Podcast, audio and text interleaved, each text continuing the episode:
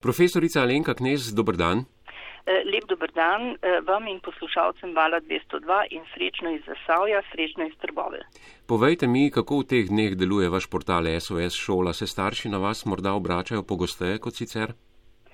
Veste kako, niti ne, zaradi tega, ker naš portal je že štiri leta kar odprt, eh, dostopen brezplačno, eh, tam itak nimamo kakšne posebne evidence, eh, za tist, kaj bom rekla, ko so pa na sveti pa bolj podrobno, je pa zdaj ni, ni ustrezen čas zaradi tega, ker imajo starši itak preupilico vsega gradiva in je potem to neka dodatna zadeva, ki jim zdaj pravzaprav niti ne pride tako prav. Ravno to, ko smo se zadnjič slišala ob začetku letošnjega šola, šolskega leta sva se pogovarjala tudi o preveliki vlogi staršev, ki jim jo eh, na nek način šola eh, usiljuje. No, zdaj so starši kar naenkrat v vlogi učiteljev, pedagogov, drugače seveda ne gre, ampak kaj mislite, je to dobro za sam proces?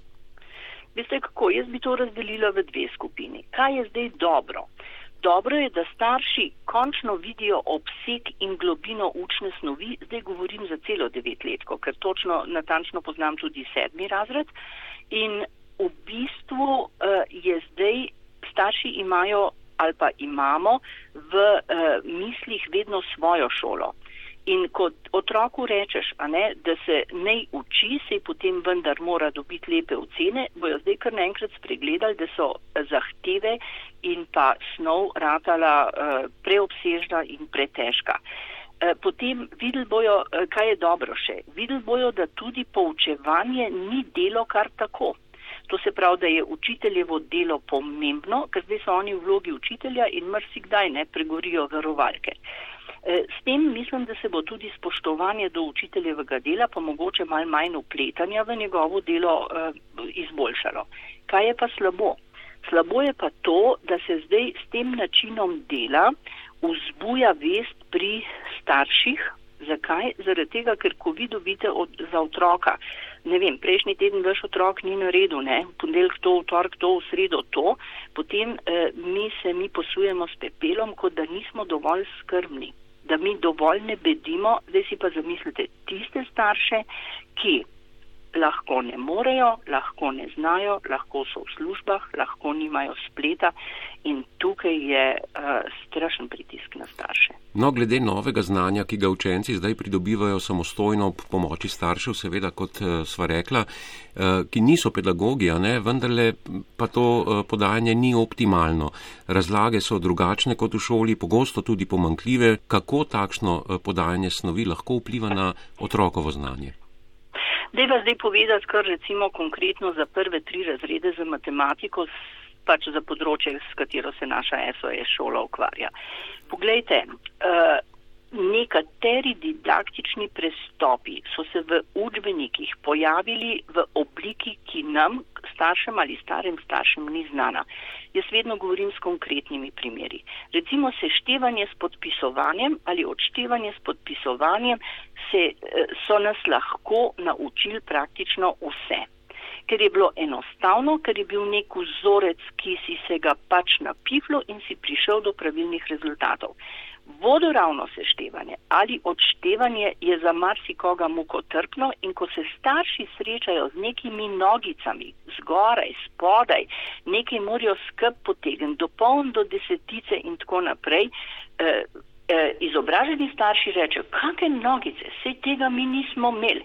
In potem se pojavi naslednja zadeva. Otrok te gleda kot dinozaura, da nič ne znaš, ne? E, ti si pa vz zgrožen, ker veš, da moraš te prvo najprej sebe naučiti, potem boš pa šele otroka lahko naučil na njegov način.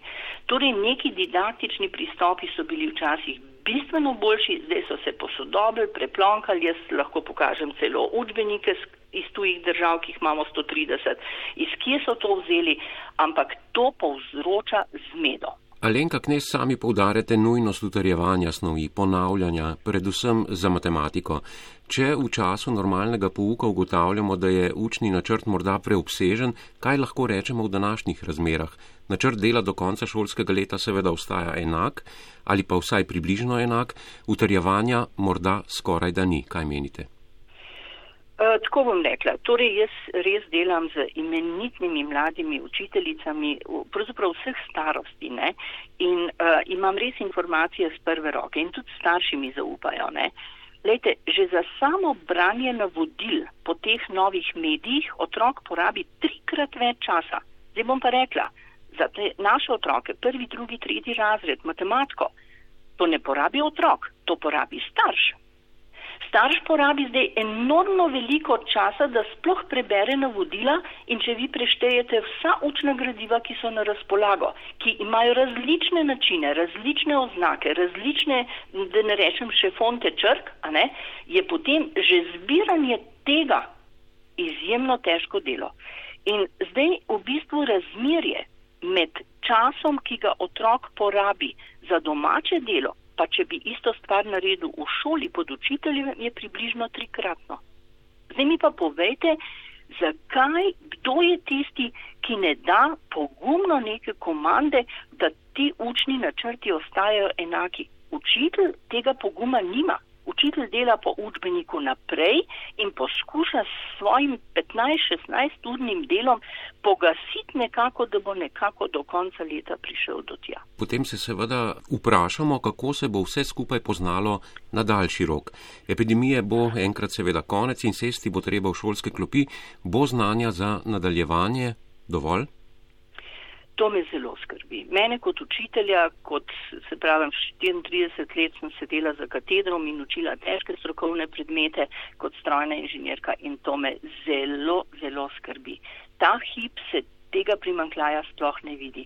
Tu se bojo pojavile neenakosti, socialne neenakosti, ampak to ne bo tista neenakost, da ne bo imel, ne vem, ta zadnje znamke telefona pametnega, pa ne vem, čevlov, eh, ki med vrstniki nekaj štejejo tukaj se bo pojavilo razlikovanje v znanju.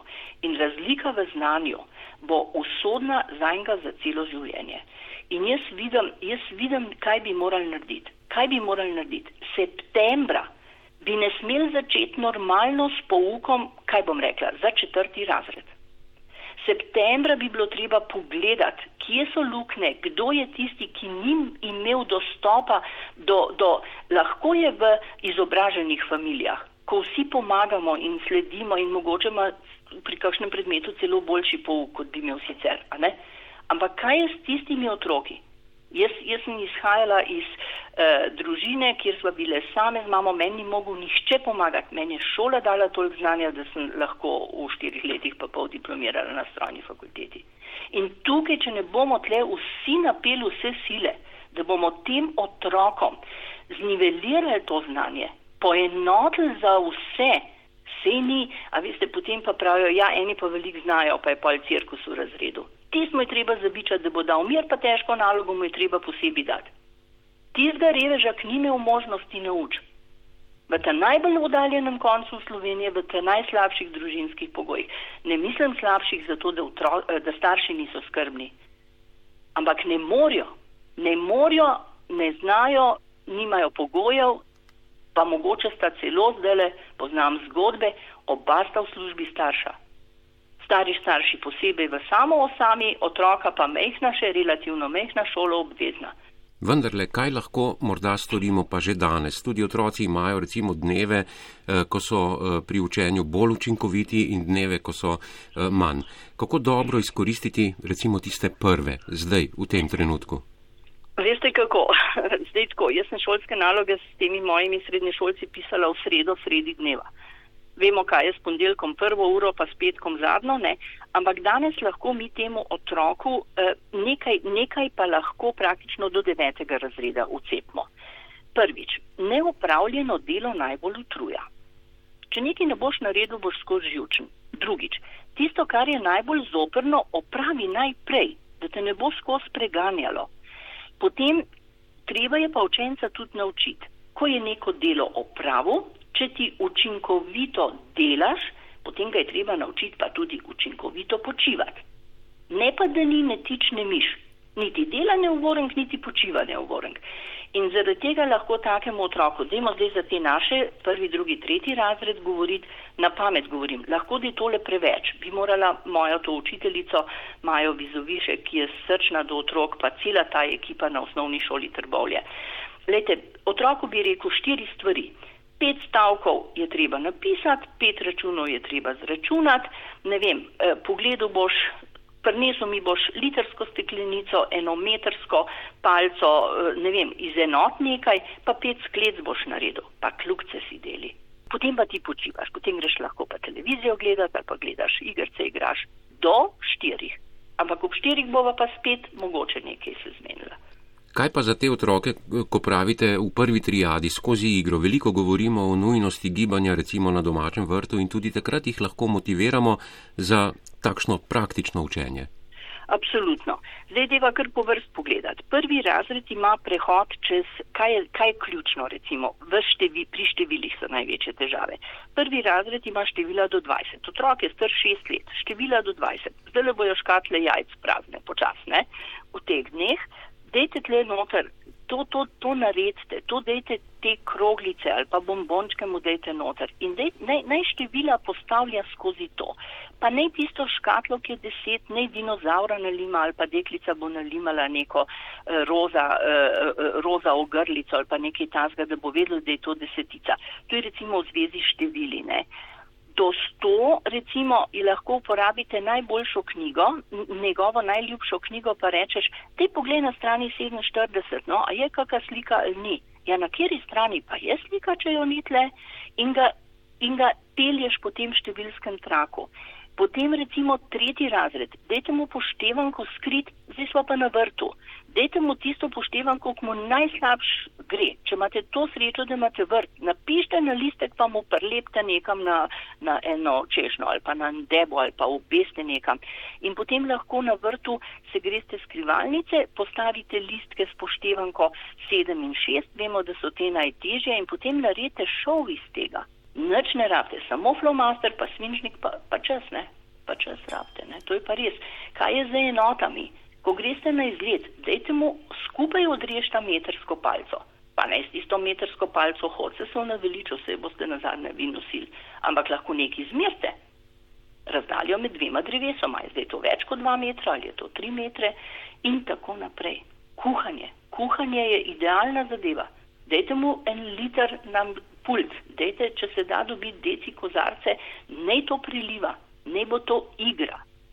Pa bo za večno vedel, kaj je literska steklenica, pa da jih je deset kozarčkov nalil. In M tako naprej.